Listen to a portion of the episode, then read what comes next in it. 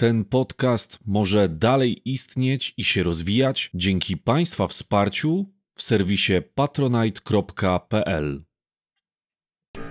Edukacja. Geoedukacja.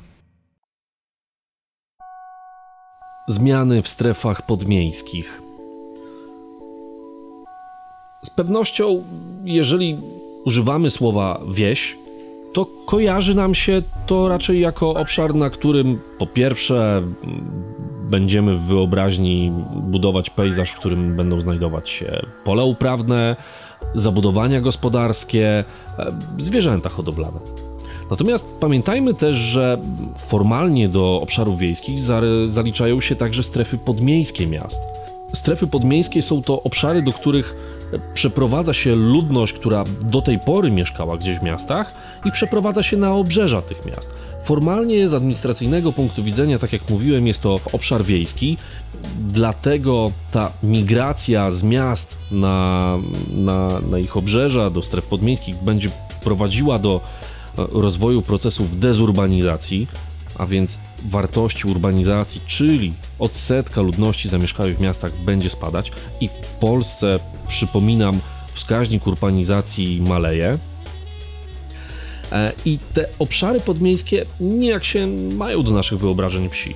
To znaczy, obszary podmiejskie będą cechować się tym, że pomimo tego, że jest to obszar wiejski, mała część osób raczej będzie tam mm, posiadać gospodarstwo rolne i utrzymywać się z rolnictwa, raczej zdecydowana większość osób zamieszkujących te obszary e, będzie pracować w zawodach pozarolniczych, będzie pracować najczęściej w mieście, z którego się wyprowadziła, a dom, który znajduje się w strefie podmiejskiej, będzie po prostu mm, sypialnią. Wyprowadzka na te obszary jest bardzo często spowodowana niższymi cenami domów na wsi niż w mieście.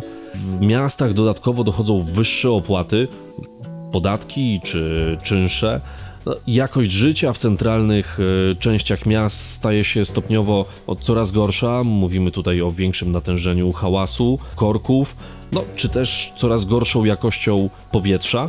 I to wszystko decyduje o tym, że ludzie stopniowo z tych miast się wyprowadzają na ich obrzeża. Doskonale to widać w przypadku e, zarówno Warszawy, jak i Krakowa. W ciągu 10 lat w okolicach Warszawy, Warszawy na przykład w gminie Piaseczno, no mamy wzrost ludności o ponad 100% zapewne, a więc no, można powiedzieć, że ta liczba ludności w niektórych gminach ulega po prostu podwojeniu. Poza tym, że rośnie liczba ludności e, na obszarach wokół miast, to też dochodzi do kilku innych zmian. To znaczy, jeżeli zestawimy sobie wiek ludzi w Warszawie i w gminach wokół, to okaże się, że więcej młodych ludzi e, mieszka właśnie w gminach pod Warszawą. Co znowu nie jest typową sytuacją, ponieważ obecna tendencja jest taka, że na wsiach mieszka coraz więcej e, starszych osób. Strefy podmiejskie cechują się ponadto bardzo dobrze rozbudowaną infrastrukturą. Bardzo często te gminy są połączone siecią komunikacyjną z głównym miastem. W zasadzie e, są tutaj dostępne wszystkie media, które są typowe dla, dla miast, a już nie na każdej wsi są, a więc mowa tutaj o kanalizacji, wodociągach czy, czy dostępie do, e, do sieci gazowej. Poza samym przenoszeniem się mieszkańców z miasta na tereny wiejskie, również stopniowo niektóre firmy decydują się na przenoszenie działalności poza obszar miejski.